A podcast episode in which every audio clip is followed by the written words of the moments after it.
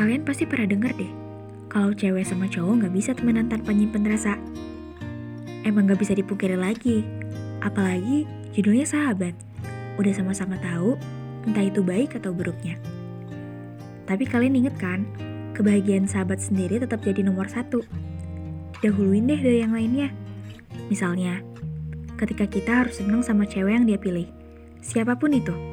Meskipun kamu nyimpen rasa sama dia, kalau pilihan dia sama cewek yang dia tuju, mau gak mau kamu harus setuju. Gak bisa sepihak bilang, jangan deh, gak usah, lo gak deserve sama yang itu.